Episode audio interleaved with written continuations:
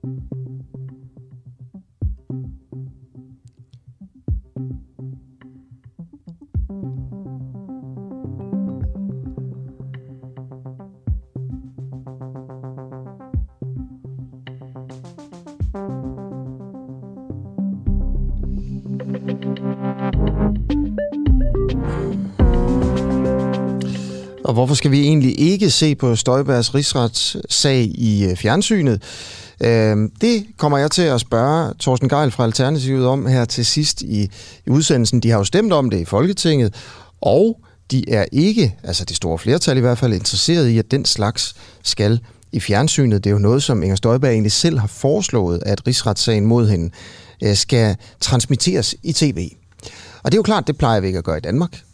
Det er jo sådan noget, man gør i USA. Men hvorfor egentlig ikke? Altså, hvad er det, øh, der, der, der er galt med, at man skal kunne se en, en retssag, og endda en interessant retssag, vil mange sikkert mene, i fjernsynet?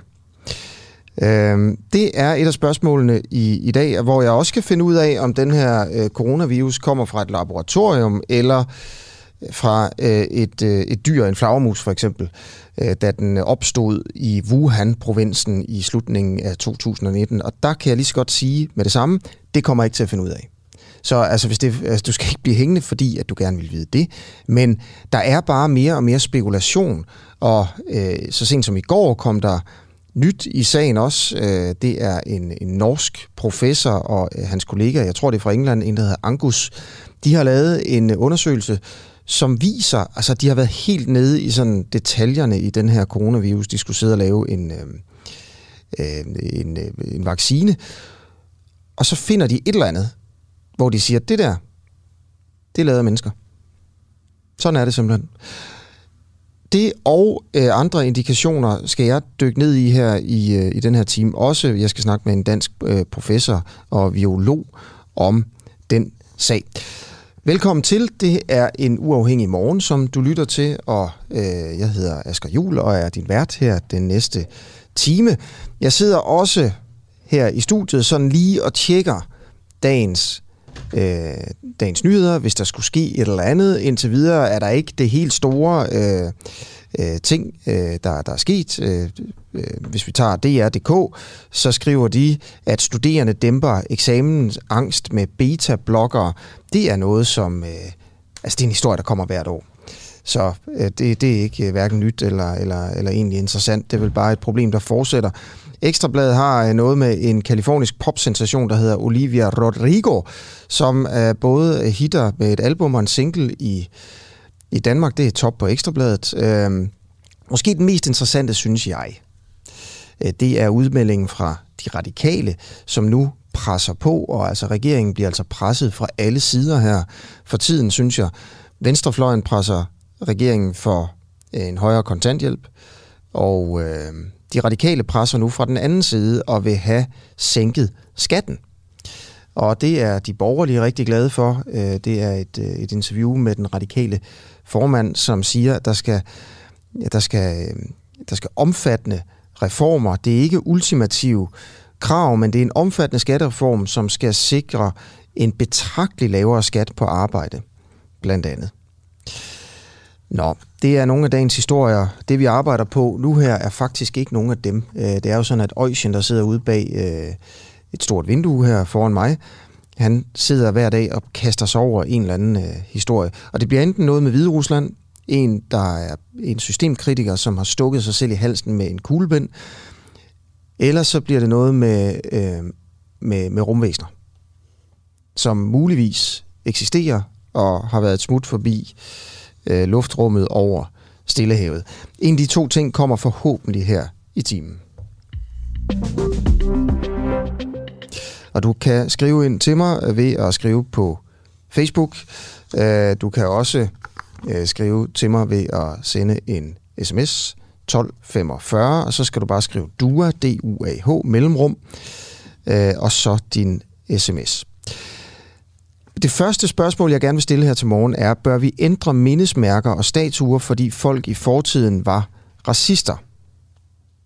Det er jo en debat, du måske kender. Skal vi ændre gadenavn? Skal vi hive statuer ned, fordi folk i fortiden havde en anden moral?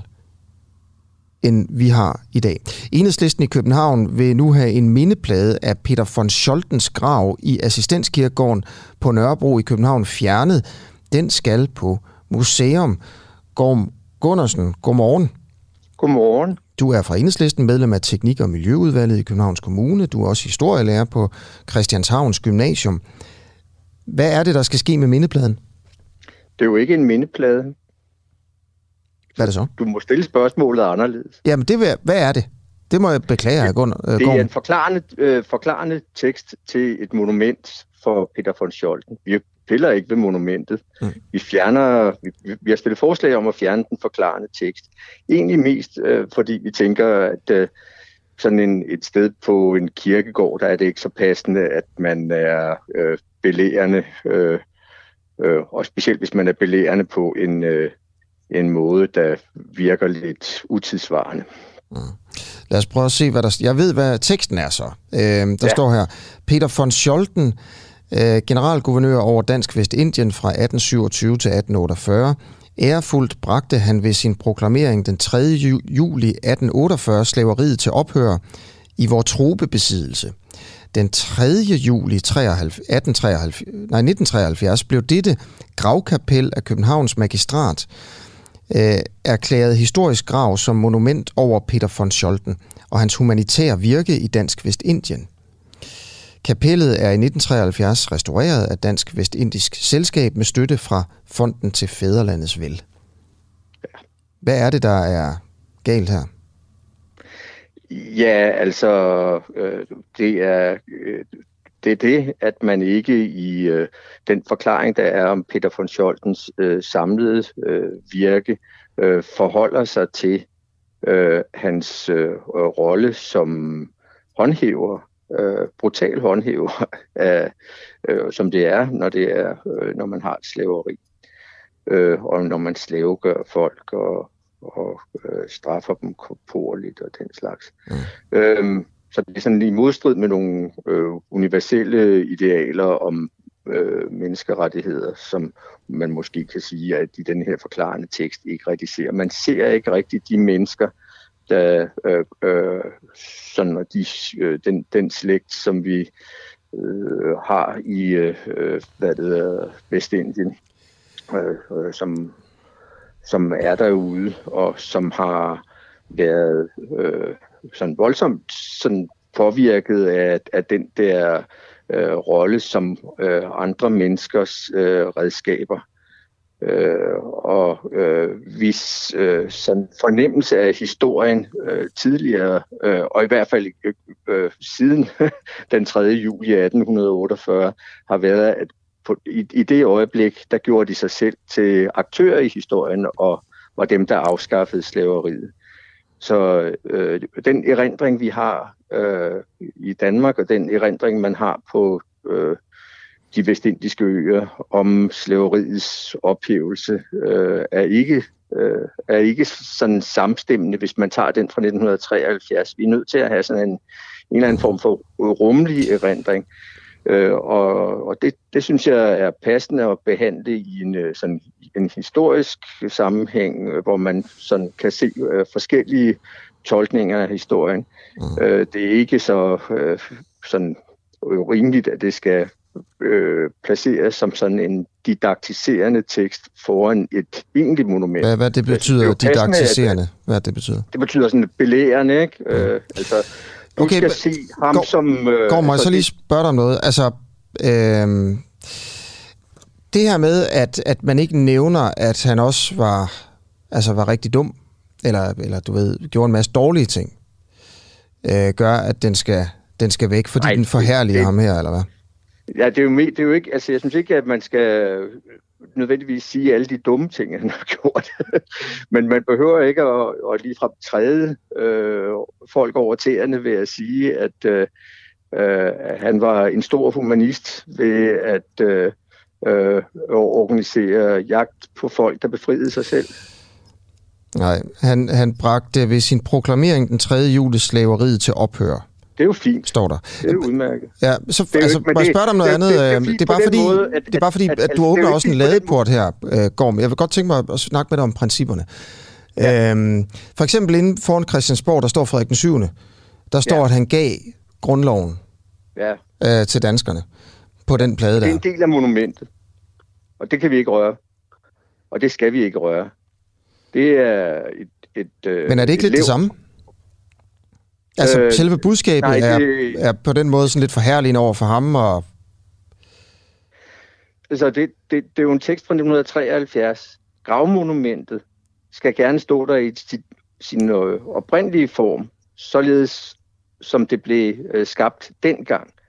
Så, så hvis den her tekst var blevet skrevet dengang det blev sat op, så havde den fået lov til at stå. Så havde den fået lov til at stå, men fordi den blev skrevet i 1973, så var den væk.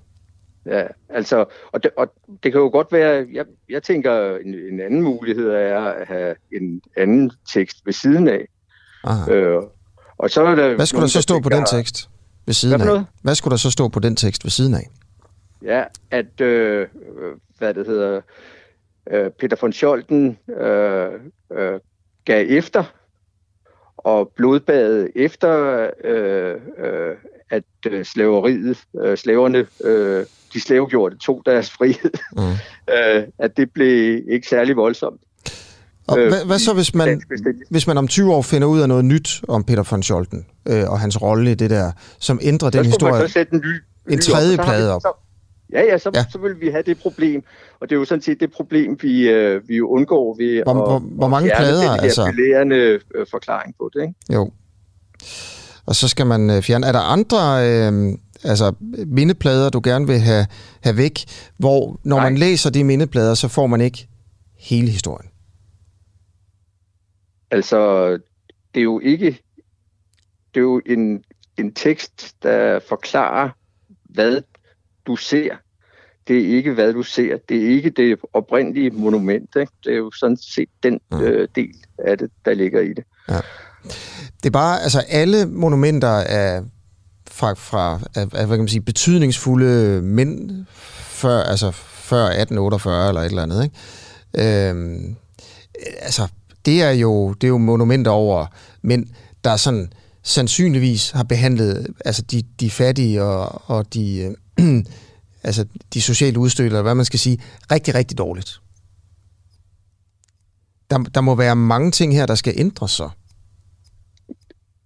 Det, altså, jeg, jeg forestiller mig, at vi som historikere, og som by er det jo i det her tilfælde, der skal vi øh, forvalte vores historiske øh, arv med omhu, og sørge for at give øh, ordentlig øh, formidling af, hvad det er, øh, man ser, og hvad der er for nogle tolkninger, mm. der er mulige af sådan et monument.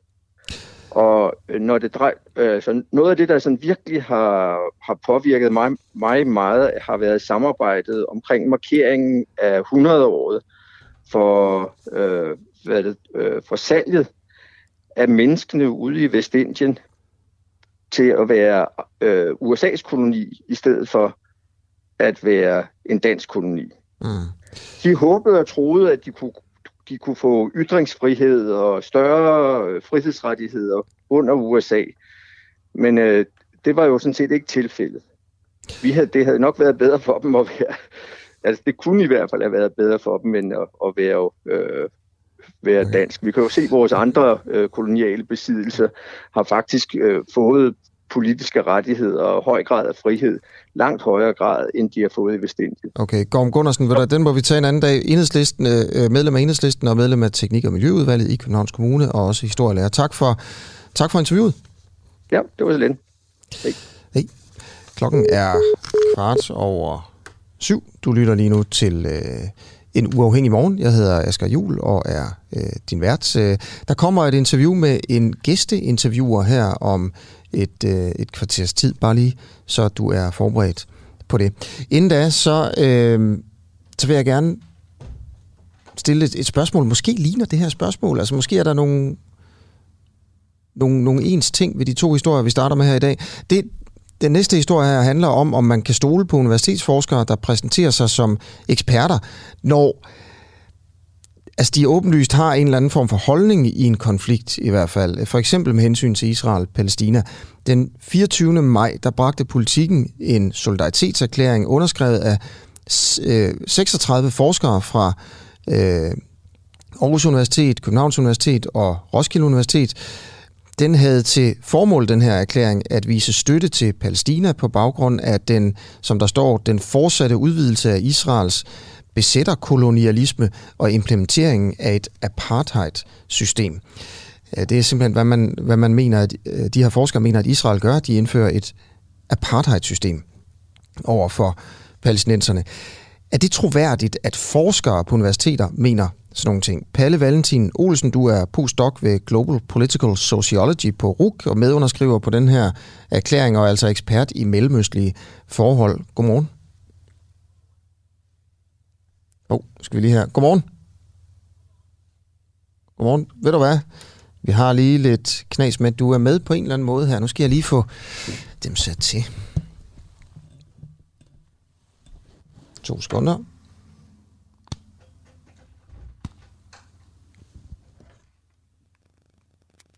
Sådan der, så tror jeg, du er på. Godmorgen. Godmorgen. Godmorgen. Der er lige lidt knas med, med telefonen. Øhm, Pelle Valentin Olsen, bedriver du enøjet forskning? Nej, det synes jeg øh, overhovedet ikke, jeg gør, og det synes jeg faktisk heller ikke, at der er nogen danske mellemøstforskere, der gør. Hvis man ser på den danske mellemøstforskning, så vil man se, at der er en enorm bredde og diversitet, og det er jo kun nogle af de danske mellemøstforskere, der har skrevet under på den her øh, erklæring. Så jeg synes faktisk, at vi har en enorm øh, kritisk øh, og fremragende dansk mellemøstforskning, som er meget divers. Okay. Det er jo Henrik Dahl og Morten Messerschmidt fra Folketinget, som har været ude og anklage de humanistiske uddannelser her for at bedrive det, de kalder for aktivistisk forskning, og for at have en klar politisk overbevisning. Henrik Dahl erklærede i sidste uge, at man ikke kan stole på de typiske danske mellemøstforskere. Øh, det sagde han fra Folketingets talerstol. Hvordan kan man stole på dig, når du udtaler dig om situationen i Israel-Palæstina, når du på forhånd har besluttet dig for, at Israel indfører et apartheid-system? Jamen, jeg synes sådan set ikke, jeg har besluttet mig på forhånd, og det er jo heller ikke kun mig eller os, der har skrevet under, der syntes, eller mener, at Israel har indført et apartheid-system. Det er der jo sådan set rigtig mange internationale anerkendte menneskerettighedsorganisationer, øh, der siger. Så det er ikke kun os. Øh, øh, og jeg synes jo heller ikke... Ja, det, det, det, det kan jo godt være, at det ikke er, er kun af dig, men der er jo, der er jo divergerende holdninger om det der, og, og kalde den ene part i en konflikt øh, for en apartheidstat, altså eller indføre et apartheidsystem i hvert fald, det er vel at holde med, altså, eller, eller tage parti for den ene part, øh, part, samtidig med, at du skal forske objektivt i noget. Ja, det er klart, men jeg mener, at det er meget vigtigt at sætte fokus på konfliktens historiske rødder og øh, altså i talesætte Israels ulovlige besættelse som konfliktens hovedårsag. Altså det er palæstinenserne, der er besatte, og det er sådan set derfor, at vi er i solidaritet med dem. Og det er vi jo også ud fra en solidaritet med, med israelerne, fordi vi mener, at og kan se, at hvis konflikten nogensinde skal have en ende, så må besættelsen øh, nødvendigvis stoppe. Så, altså, okay. Men kan du, kan du prøve at overbevise mig om, at du ikke er farvet, inden du som forsker og ekspert begynder at kigge på den her konflikt, når du altså mener de her ting? Ja, det kan jeg sagtens prøve, men jeg tror sådan set ikke, der er noget øh, mærkeligt i, at jeg som forsker har en holdning til det område, øh, jeg studerer. Altså, jeg studerer ja, du har jo forsk, du har holdning på mange ting. Du har jo skrevet under på alle mulige breve, jo. Øh, du skriver også under på, øh, som forsker og postdoc i Mellemøststudier, at politikerne ikke tager klimakrisen alvorligt nok. Ja, øh, og det, det synes jeg heller ikke, det, øh, at de gør. Jeg synes, at men, det, men det er jo ikke noget, du forsker i, jo. Altså, det er jo også det er jo et andet, det er jo bare fordi, det er et andet. Du googlede bare lige dit navn. Øh, der har du også skrevet ja. under sammen med en masse andre forskere. Altså, det ved du jo ikke en fis mere om, end en mand, øh, der står og venter på bussen, altså. Nej, men derfor mener jeg da stadigvæk, at jeg skal øh, have lov til at have en politisk holdning, og jeg det er jo heller ikke, fordi jeg ikke ved noget som helst om klimakrisen. Jamen, øhm, hvorfor skriver du der under der, for eksempel, som postdoc? Øhm, altså når din postdoc-grad øh, overhovedet ikke handler om det? Nej, det er klart, men det er jo sådan set bare en, en, en, en stillingsbetegnelse, øhm, og det er jo heller ikke øh, som postdoc, jeg nødvendigvis øh, udtaler mig, men det er det, når det handler om Palæstina, mm. fordi jeg i længe har forsket øh, i den her konflikt og palæstinensisk historie, og jeg har heller ikke lyst til at ligesom afkoble min forskning fra det, der foregår i øh, Israel og Palæstina lige nu. Prøv, øh, Pelle, vi kan også godt lige så godt sige det, som det er. Altså, øh, sådan en som dig, en ekspert fra RUK, øh, der mener, at Israel er, altså, øh, er sådan en, en form for apartheidstat. I hvert fald en stat, der indfører et apartheidsystem over for palæstinenserne. Og som, som skriver under på, at klimakrisen er meget alvorligere, end politikerne mener, den er. Øh, altså, hvor venstreorienteret er du?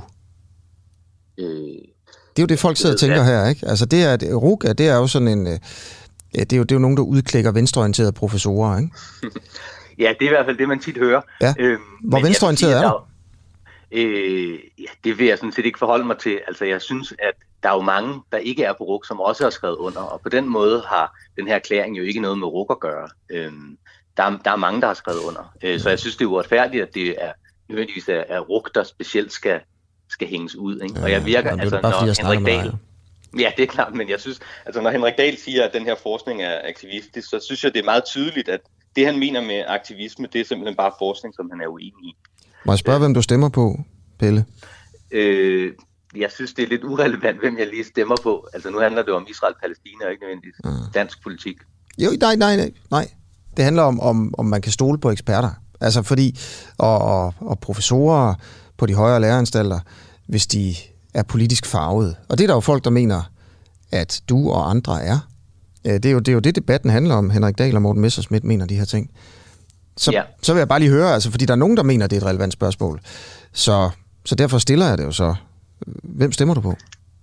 Øh, jamen, øh, jeg, jeg synes ikke, det er relevant, hvem jeg stemmer på. Nej. Øh, jeg vil Men vil sige, du sige det, selvom, er... det ikke, selvom du ikke mener, det er relevant? Vil du så sige det? Nej, det synes jeg ikke, at, øh, at folk behøver at vide, hvem jeg stemmer på. Hvorfor ikke? Øh, jeg kan ikke se, hvordan det er relevant for, øh, for min...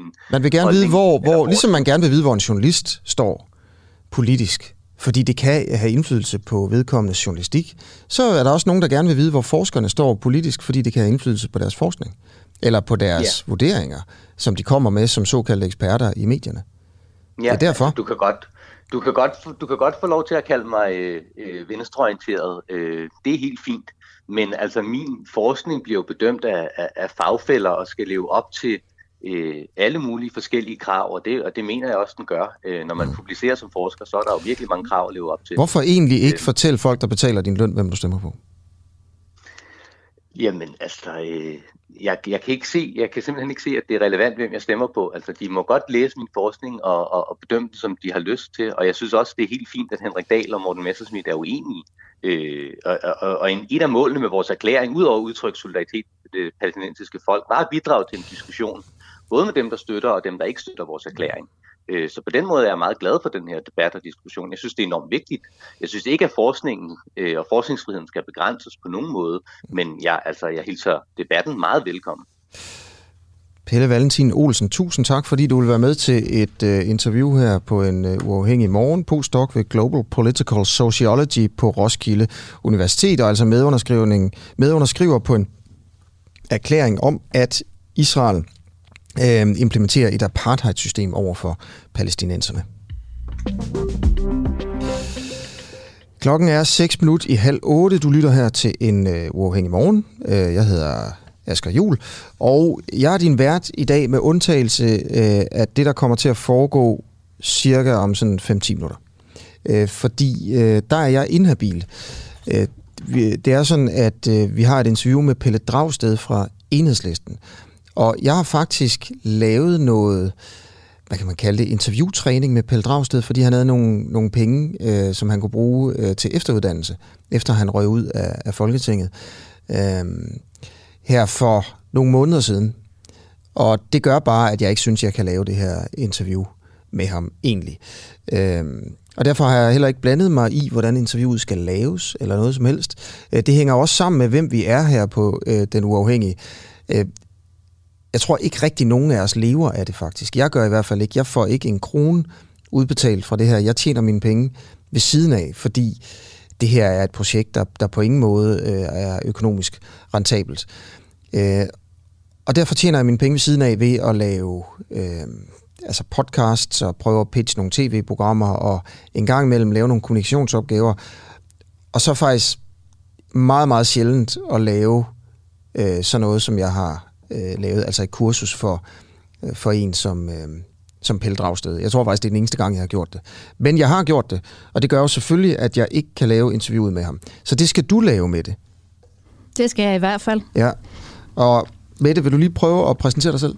Det vil jeg meget gerne. Jamen, jeg er journalist, og i mit daglige virke, så er jeg redaktør på en anden uafhængig størrelse, nemlig øh, lokalavisen i Herlev, som hedder Herlevbladet. Og nu er jeg her. Og hvorfor er det, du er her inde, hos, øh, inde i vores studie her til morgen? Det er fordi, da jeg hørte det her, øh, den her udsendelse første gang, så tænkte jeg, øh, hvis øh, jeg selv kunne få lov at bestemme, hvad jeg skal lave i min fritid, så skulle det være det der. Jeg synes, øh, det er et vigtigt projekt, øh, som jeg har øh, savnet. Øh, så jeg bød ind og sagde, hvis I kan bruge mig til noget, så, så gør det da endelig. Ja, og det, det, det har vi jo så valgt at slå til på, ikke? fordi vi har lavet en test, sådan en, en test med dig som vært, og du skal være vært her til, til sommer. Ja, det skal jeg. Det glæder jeg mig til. Meget spændt. Og så var du med her tilfældigvis bare for at overvære morgenudsendelsen, ja. og så dukker det op, det her problem, og så springer du ind fra højre. Fuldstændig, eller fra venstre i det her tilfælde må det jo blive. det er om fem minutter. Det er det. Er du nervøs? Ja, en lille smule. Ja, det er altså her om, øh, om fem minutter. Senere i udsendelsen skal vi også finde ud af, hvor øh, coronavirus kommer fra. Et laboratorium eller en øh, flagermus. Vi spørger en dansk øh, professor om det. Øh, men inden da øh, vil jeg gerne til en historie, der handler om regningen for minkhåndteringen. Øh, det udløser nemlig en regning på mindst 277,5 millioner kroner, at regeringen tilbage i november valgte at begrave millioner af mink. Og nu siver kvælstoffer fra de rådne mink ned i jorden og truer grundvandet i området. Øh, så udover at minkene nu skal graves op for at brændes i stedet, så skal der også laves en, øh, en oprensning, så der simpelthen kommer til at løbe i i overvis. Og Mogens Let, har jeg dig med? Ja, det har du. Godmorgen. Øh, du bor 300 meter fra en minkgrav i Nørrefelding i Holstebro Kommune. Din umiddelbare ja. reaktion på, at det kommer til at koste 277,5 millioner kroner? Ja, det, det, er, det er rigtig irriterende, når man øh, hører her nu, hvor, på hvad grundlag de er gravet ned, at øh, det overhovedet ikke har været øh, nødvendigt at grave dem ned. Og alle mine søvnløse nætter, dem kunne jeg have undværet. Så det, det er irriterende. Du får jo alt din vand fra en brønd, øh, som ja. ligger på, på din grund. Øh, men på grund af de begravede mink, så er grundvandet forurenet, og, og nu bliver minkene så gravet op igen. Hvad er det, du ligger og spekulerer på om natten? Jamen det er jo, hvornår det kommer herover til os. Vi ligger øh, noget, der hedder nedstrøms. Det vil sige, at de graver den ned højere op end, end her, hvor vi bor. Og øh, så øh, vi ved jo ikke, om det kommer hårdere. Det kan vare to år, inden det kommer hårdere. Det kan vare ti år. Og i den tid skal vi jo øh, øh, undersøge vores vand jævnligt for at være sikre på, at det ikke er her. Øhm, og det er ikke, og det koster øh, 300.000 at få lagt øh, kommunalt drikkevand ind, fordi det er så langt til nærmeste nabo. Så øh, 300.000 har vi ude at køre. Det er huset jo også blevet mindre værd. Så øh, det er jo et problem. Hvem mig. betaler de 300.000? Ja, der er kun mig til det. Øh, Miljøstyrelsen har sagt, at de vil ikke tage stilling til det, før den er forurenet. Så jeg kan jo bare gå og vente, men jeg kan jo ikke sælge huset. Så det er et kæmpe problem for mig.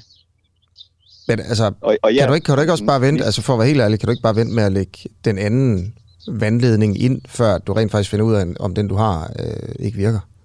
Jamen, hvis nu jeg får taget en vandprøve, øh, så kan det ske, at jeg forurenet 14 dage efter, og så kan det ske, at vi går og drikker det en måned eller to, før vi skal tage næst. Øh, og sådan en vandprøve koster øh, 2.500, og jeg er pensionist, så det, det er lidt... Øh, mine penge, de, øh, de forsvinder i hvert fald. Mm. Okay, hvor meget er huset faldet med? Jamen 300.000, for jeg har fået lavet et tilbud fra øh, øh, dem, der ordner vand og sådan noget for kommunen, og de har sagt, at det koster 300.000. Så det er ikke bare et tal, jeg øh, ryster op med. Det er simpelthen øh, tallet. Mm, okay. Øhm, så det vil sige, det, er jo, det kommer til at koste 600.000 i alt det her? Nej, 300. Jamen så også 300 for at, for at lagt vand ind? Nej, det er det, der koster 300. Nå, det er det, der koster 300. Ja. Okay, ja. Så, så altså regningen er for det offentlige, for, for os alle sammen, 277 øh, millioner kroner, fordi man gravede mængden ned. Hvad kan man sige, ja. uden at tænke sig ordentligt om? Det, det dækker ja. vel forholdsvis godt. Ja. Øh, og så skal de så graves op igen og, og brændes, øh, plus der skal, der skal laves den her, altså man skal rense ting og sager, ja. der, ja. der bliver forurenet. Ja. Okay. Prøv, er, der og noget, det... er der noget, folk skal vide, altså hvis man bare følger med sådan lidt... Øh, lidt på sidelinjen, som jeg jo gør i hvert fald, øh, så tænker jeg, at det her det er historien. Det er træls for os alle sammen. Det er selvfølgelig ja. særligt træls for dig. Ja. Er der nogle nuancer her, som du mener er, øh, er væsentlige? Altså, altså, det er jo ikke bare øh, mig, det er træls for. Det er jo også naturen. Altså, der ligger en øh, å, som går ud i Storåen, øh, lige nedenfor, og, og der siver det jo ned til den, og så ud, og hvis, hvis det var ikke for Nørrefælling borgerforening, øh, så, havde, øh, så havde de blevet liggende. Så er der ingen, der har gravet dem op. Øh, og, og, og så havde det været blevet voldsom forureningen. Det, altså, det, det øh, mængdene, de fylder derovre, det er jo øh, to meter ned og tre meter i bredde.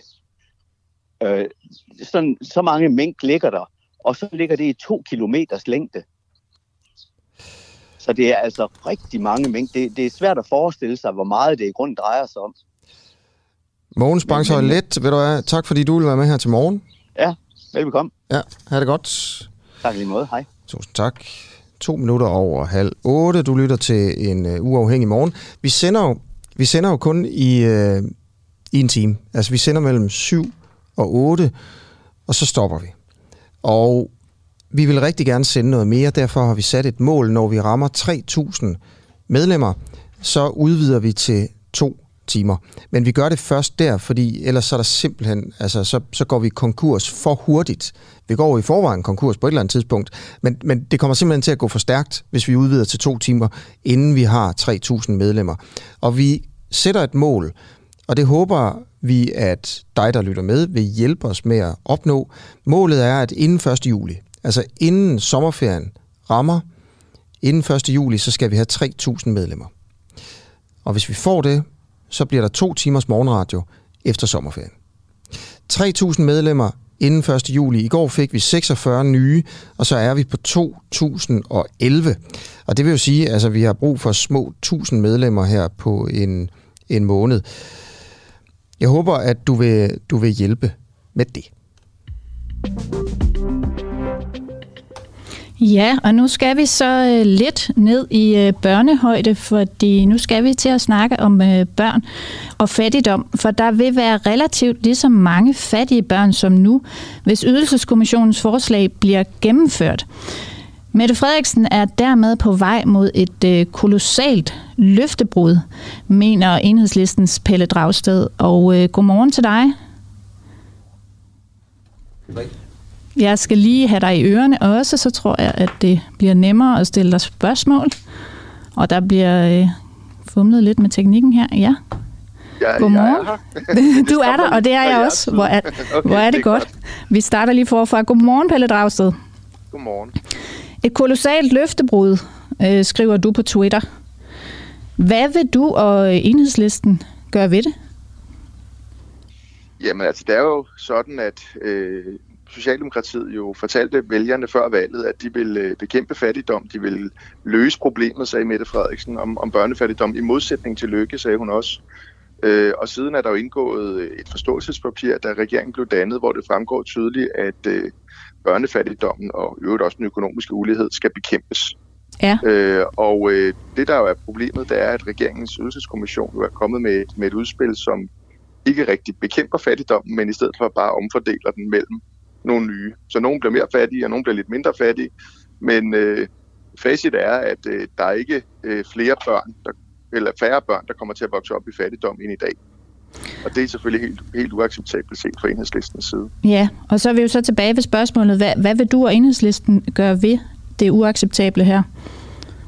Vi vil selvfølgelig gøre det, man, man, man gør i, i, i sådan et forløb her. Altså regeringen er kommet med sit udspil, eller rettere sagt, det er den faktisk ikke. Regeringens ydelseskommission er kommet med sit udspil. Øh, så kommer regeringen forhåbentlig på et tidspunkt med deres udspil, og så går forhandlingerne i gang, og der vil enhedslisten øh, øh, kræve, at øh, der bliver øh, langt øh, flere børn, der bliver løftet ud af fattigdom, og det hele taget, at, at den reform af, af ydelsessystemet, som der bliver lavet, øh, at, den, øh, at den bekæmper fattigdom i langt højere grad, i stedet for bare at omfordele den, øh, som, som det udspil, øh, der ligger på bordet nu gør. Hvor, hvor vigtige er de her fattige børn for enhedslisten? Hvor vigtigt er det for jer at få dem hjulpet? Det er, det er vigtigt, det burde det egentlig være for alle mennesker, synes jeg. Altså, vi lever i et af verdens øh, rigeste lande. Det, jeg kan slet ikke forstå, hvor, hvor, hvorfor vi kan have øh, børn, som vokser op i fattigdom. Altså, det er ødelæggende for børnene selv, men det, vi ved jo også, at at langvarig fattigdom i, i, i barndommen, det sætter sig i livet. Det vil sige, det, det, det sætter sig i, at folk får svære ved at få et arbejde, de har større sociale problemer. Det er en rigtig dårlig forretning også, hvis man skal se snævert på det på den måde. Så det er hammerende vigtigt. Vi kan simpelthen ikke være bekendt, øh, at vi, øh, at vi har børn, der, der skal gå og øh, vokse op med den der knude i maven om, at jamen, de, øh, de er aldrig på ferie, for eksempel i sommerferien, ligesom deres skolekammerater. Mm. Øh, når de skal til en fødselsdag, så har de svært ved at tage en gave med. De, øh, øh, kan ikke rigtig invitere hjem til noget større. Altså alle de her ting, øh, som, som ikke burde finde sted i et samfund, hvor vi, øh, hvor vi er meget velstående, og hvor øh, vi skal tage os ordentligt af hinanden. Ja, lige præcis. Og nu siger du, at, at I vil kræve, at der sker noget øh, på den her front. Øh, hvor stærkt vil I kræve det? Jamen, det, det vil vi kræve meget stærkt. Altså, vi kommer ikke til at medvirke til en, en aftale, som ikke øh, øh Øh, gør, for, gør en, en, en seriøs forskel i forhold til fattigdom. Øh, og, og Maja Villadsen har også sagt meget klart her for et par uger siden, at, at vi opfatter også det her som et, øh, en forudsætning for, at, at regeringen i sidste ende kan fortsætte, fordi vi har jo en aftale, vi lavede forståelsespapir, det lavede vi jo, fordi at vi fra enhedslistens side var bekymrede for at opleve det samme, som vi gjorde med den gang, hvor vi var parlamentarisk grundlag for Bjarne Korydon og Helle Thorning, nemlig at regeringen sad på vores mandater, men førte en højorienteret øh, ulighedsskabende politik, og derfor sagde vi, at den her gang, der vil vi have en aftale, og det er så det, den aftale, så det mandat, regeringen sidder på. Og så længe den agerer inden for det mandat, så, så kan den sidde, men, men hvis den bryder aftalen, så er det klart, så, så er vi et andet sted, og så har den, og så har den ikke længere enhedslistens mandat. Øh, så, så det er ligesom forudsætningen, eller udgangspunktet for, for forhandlingerne, der, der skal landes en aftale, øh, som, vi, øh, øh, altså, som vi har aftalt ifølge forståelsespapiret, som gør noget ved børnefattigdom. Så bare lige for at skære det ud i pap. Hvis den aftale ikke bliver, som, øh, som øh, I mener, der er blevet øh, lovet, og som, som I gerne vil have, hvad, hvad gør I så? Ja, altså, så siger vi først til regeringen, øh, nu skal I vide, at I er på, på gyngende grund, øh, at, øh, at vores øh, støt, fortsatte støtte som parlamentarisk grundlag, det forudsætter jo selvfølgelig, at I overholder den aftale, vi har indgået. Sådan regner vi med, øh, at vi alle sammen forholder os til, til aftaler. Øh, og så håber vi på, at det vink med, om så må sige, med en vognstang er nok til, at regeringen så kommer os i møde. Og hvis det ikke er ende, det, hvis vinket ja, ikke er nok, hvad så, Pelle ja? Men, men, men i sidste ende, så er det klart, bryder sig grundlæggende med, med, med aftalen i forståelsespapiret, jamen så, så kan enhedslisten ikke længere være parlamentarisk grundlag, så, så vil ja, den praktiske måde at håndtere det på, vil jo formentlig være, at man fremsætter et mistillidsvotum til regeringen øh, i Folketingssalen. Det bliver spændende at følge, følge Pelle Dragsted. Mange tak, fordi du øh, var med her til morgen. Det var så lidt. Ja, tak for interviewet med det. Selv tak. Ja, og det var altså... Øh, øh, det var øh, Mette med det Lyne her, som interviewede Pelle Dragsted, fordi øh, jeg var... Øh, jeg var lidt inhabil i det her interview, som jeg også forklarede lidt senere. Du lytter lige nu til en øh, uafhængig morgen. 20 minutter i 8 er klokken. Og øh, vi skal et smut til, til Hvide Rusland. Jonathan S.H. Nielsen. Godmorgen. Godmorgen. Rusland, Hvide Ruslands kender, og du har boet i Hvide Rusland og har fulgt øh, politikken der i, øh, i 15 år. Ja. Du har bare lovet, vi ringede op her for en, en, en lille time siden, og du har lovet ja. at fortælle os om om en episode, som, som er foregået i, øh, i en retssal i Hvide Rusland, hvor en, øh, en ung aktivist har, har siddet i et bur og gjort noget. Vil, vil, du, vil du fortælle historien? Ja, altså i øjeblikket kører der en lang række, række retssager mod, øh, mod nogle af dem, der demonstrerede under de store protester, vi også så billeder af herhjemme øh, sidste år hen over efteråret.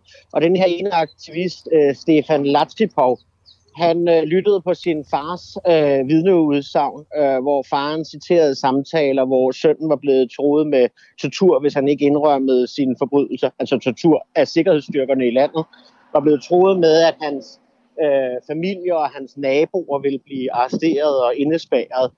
Øh, og øh, pludselig under retssagen øh, griber øh, Stefan så en kuglepind frem og borer den ind i halsen øh, på sig selv. Blodet sprøjter, øh, folk i salen skriger, og politibetjentene, der er til stede, begynder at fumle efter nøgler. For det er jo lige præcis, som du siger, sådan at når man sidder i en retssag på de kanter af verden, så får man lov at sidde i et bur, så man kunne heller ikke komme hurtigt ind og give ham førstehjælp.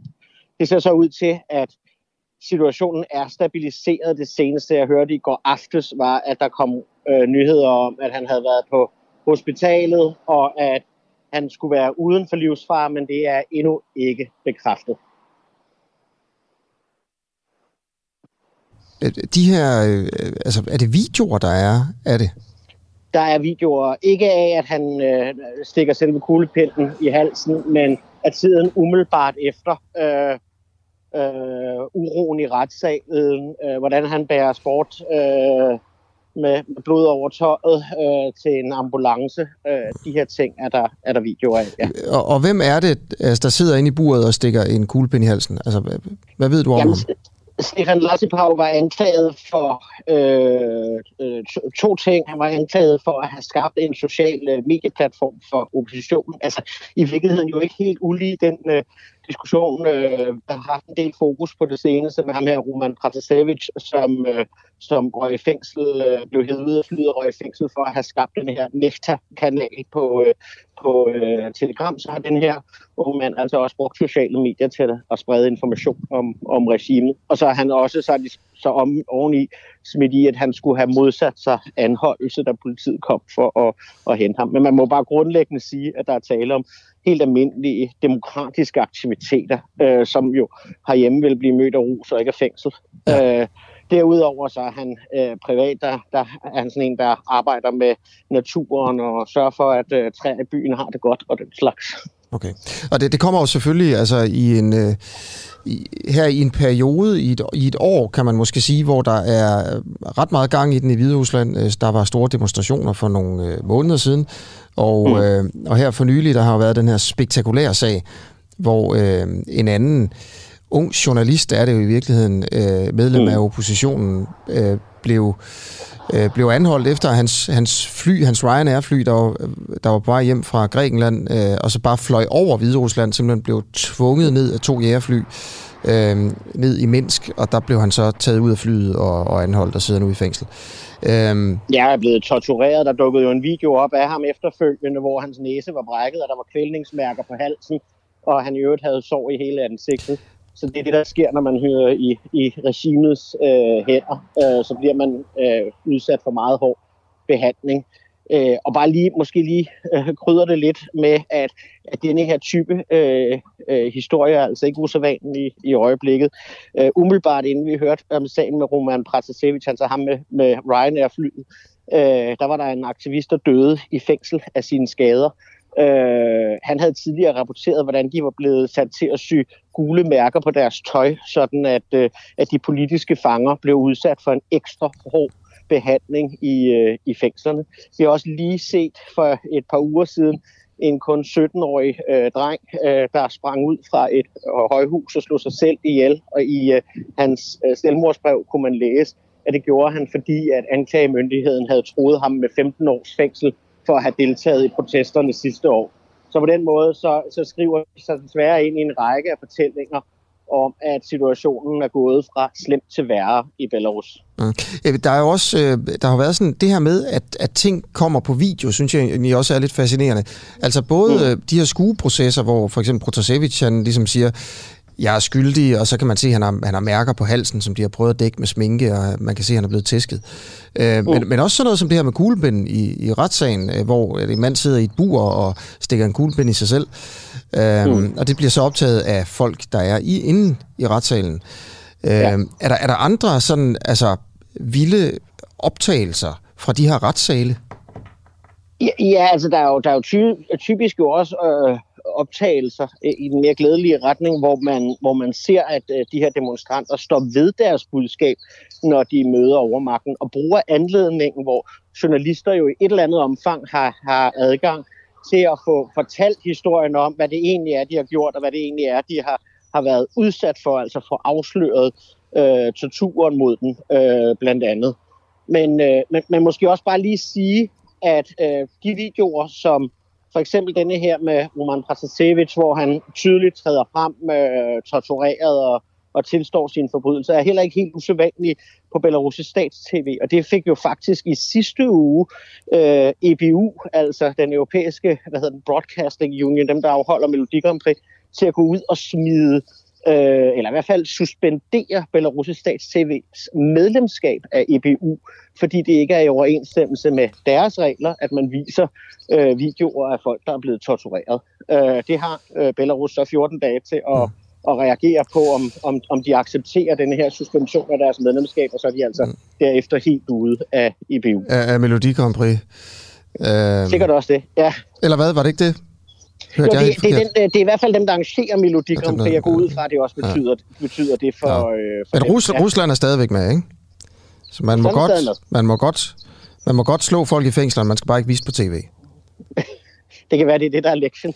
Okay, men tusind tak, fordi øh, du, vil, øh, du vil være med til en kort, øh, til et kort interview. Jonathan S.H. Nielsen. Velkommen. Ja, tak. Jamen, øh, det er mig, der takker. Hvide Ruslands øh, kender, som altså har boet i Rusland i i Hviderusland i, øh, i flere år her. Lige om lidt øh, vil jeg gerne stille Thorsten Geil fra Alternativet, han er retsordfører, spørgsmålet, hvorfor skal rigsretssagen mod Inger Støjberg egentlig ikke vises i fjernsynet? Det mener han ikke. Flertal i Folketinget er enige med ham. Det kommer ikke til at blive til noget. Støjberg havde egentlig sagt, øh, fremsat et forslag om, at hendes øh, rigsretssagen mod hende skulle tv-transmitteres. Og øh, at personligt er det simpelthen en tanke, der fascinerer mig. Jeg har godt tænkt mig at se det i tv, øh, men øh, det kommer ikke til at ske. Øh, hvad er argumenterne egentlig for det? Det er lige om 5-10 minutter. Men inden da, så øh, skal vi lige have en sving om med dig, Allan Randrup, professor i biologi. Godmorgen. Godmorgen. Godmorgen. Øh, den seneste tid er der kommet flere indikationer på, at corona øh, virusen egentlig kom fra et kinesisk laboratorium, og ikke fra et et dyr, som for eksempel en flagermus, dengang øh, virusen opstod i slutningen af 2019 i Wuhan i Kina. Hvad tror du? Altså for det første vil jeg sige, at indikationer er i, i, i min verden et, et for kraftigt ord i den her sammenhæng. Der er kommet nogle signaler om, at det er en mulighed, øh, baseret på en, øh, en, som vidt jeg ved ikke verificeret øh, historie om, at der har været nogle medarbejdere fra det laboratorium, der er mistænkt, der har haft øh, infektionen tidligt i forløbet.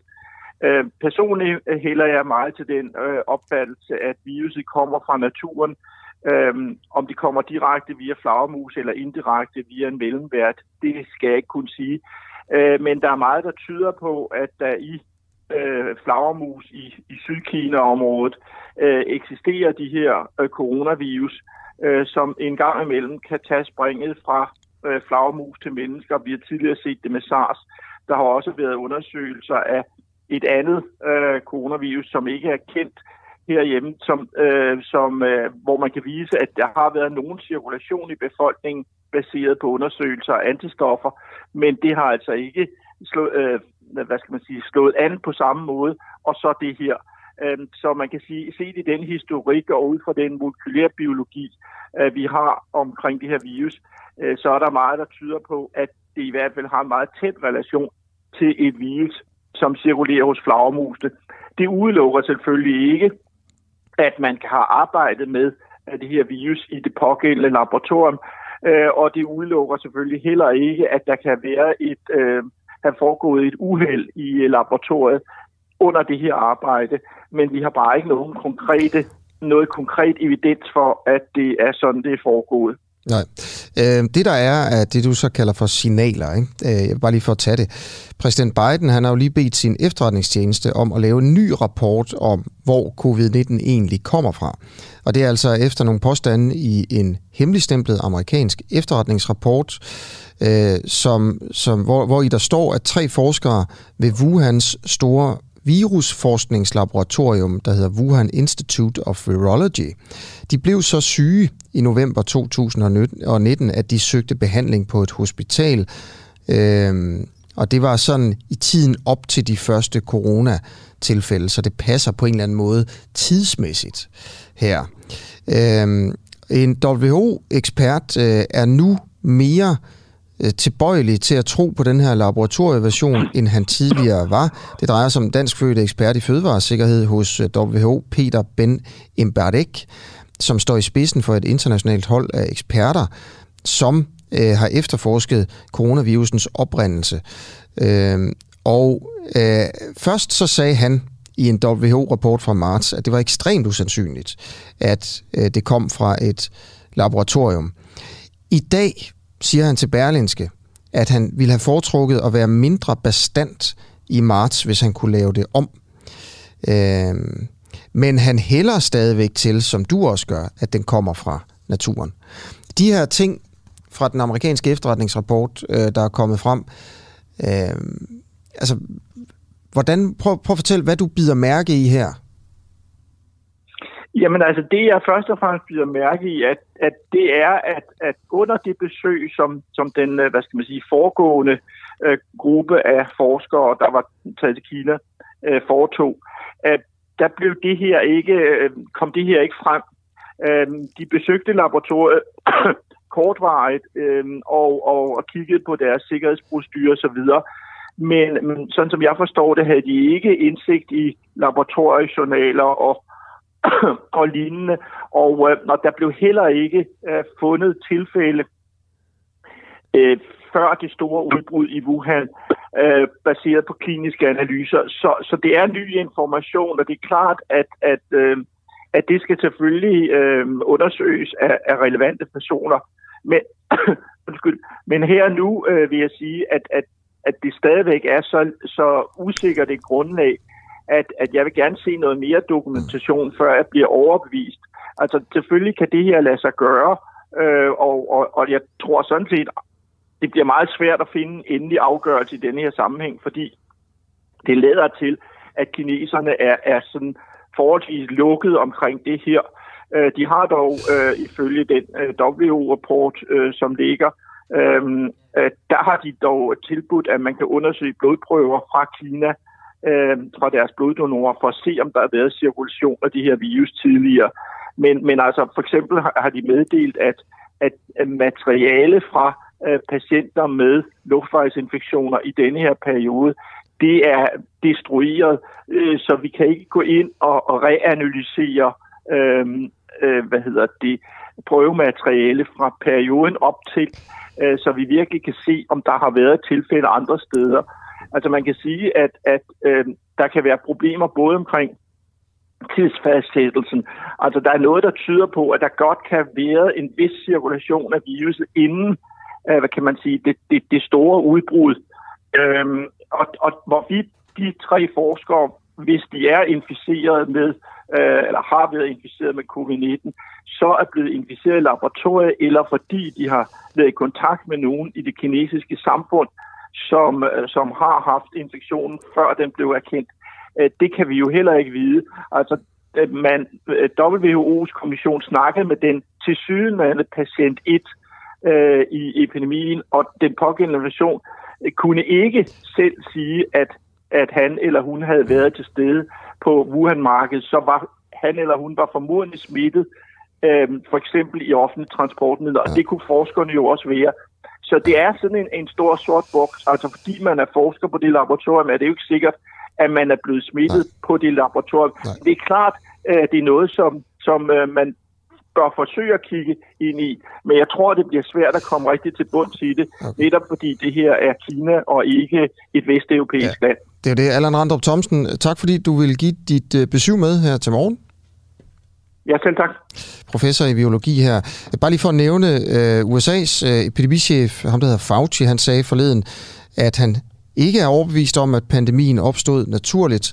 Øh, og så er der et nyt studie fra England med en norsk professor, øh, som konkluderer, øh, at, at det kommer fra et laboratorium. Det er simpelthen en virus, der, den er blevet manipuleret. Men det er altså ikke et, øh, et, et, øh, et studie, der er blevet offentliggjort endnu. Det er den norske videnskabsmand Bjørn Sørensen og hans kollega Angus Dalglish, som siger, at det er det, de har fundet ud af. Nu venter vi selvfølgelig på, at de fremlægger det, og det bliver kigget på. Men det er jo unægteligt forholdsvis interessant, det her. Klokken er 5 minutter i 8. Noget helt, helt andet. Det kommer ikke til at komme i tv, altså rigsretssagen mod Inger Støjberg. Hun har jo selv fremsat forslag om det i Folketinget, at hendes, hendes rigsretssag skal tv-transmitteres. Men et stort flertal sagde nej tak. Hvorfor egentlig ikke sætte rigsretssagen, som jo er interessant og vigtig, i tv? Så så mange som muligt kan se den. Torsten Geil, retsordfører for Alternativet, du synes, det er en dårlig idé at tv-transmittere rigsretssagen. Øh, vil, du, vil du fortælle, altså, hvad det dårlige ved det vil være? Altså, jeg synes, der der er flere problemer i det. Øh, for det første, så er jeg lidt bange for, at det bliver sådan lidt for meget reality-tv over det. Fordi øh, rigsretten kan jo gerne være et, være et seriøst arbejdsrum. Og så er der en anden ting, det er, at, at Inger Støjberg, hun er jo part i den her sag. Øh, og, og, og hun er jo en del af den lovgivende magt, og hun forsøger at påvirke den dømmende magt i en sag, hvor hun selv er under anklage.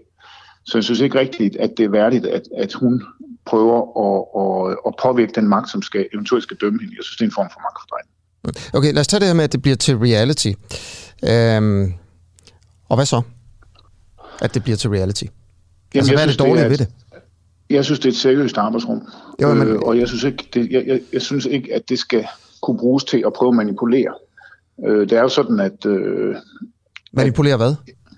Jamen for eksempel, Inger Støjberg bliver ved med at tale om barnekommission, og, og hun får det til at lyde som om alle dem, som, som, som mener, hun skal dømmes, hvis hun har gjort noget ulovligt, i virkeligheden gerne vil have barneægteskaber. Hvad, og det synes jeg, er en, det ja, synes så, jeg faktisk er en total fordrejning. Så du ved, du mener, altså, at Inger Støjbergs version, hvis den kommer på tv, så er det at manipulere?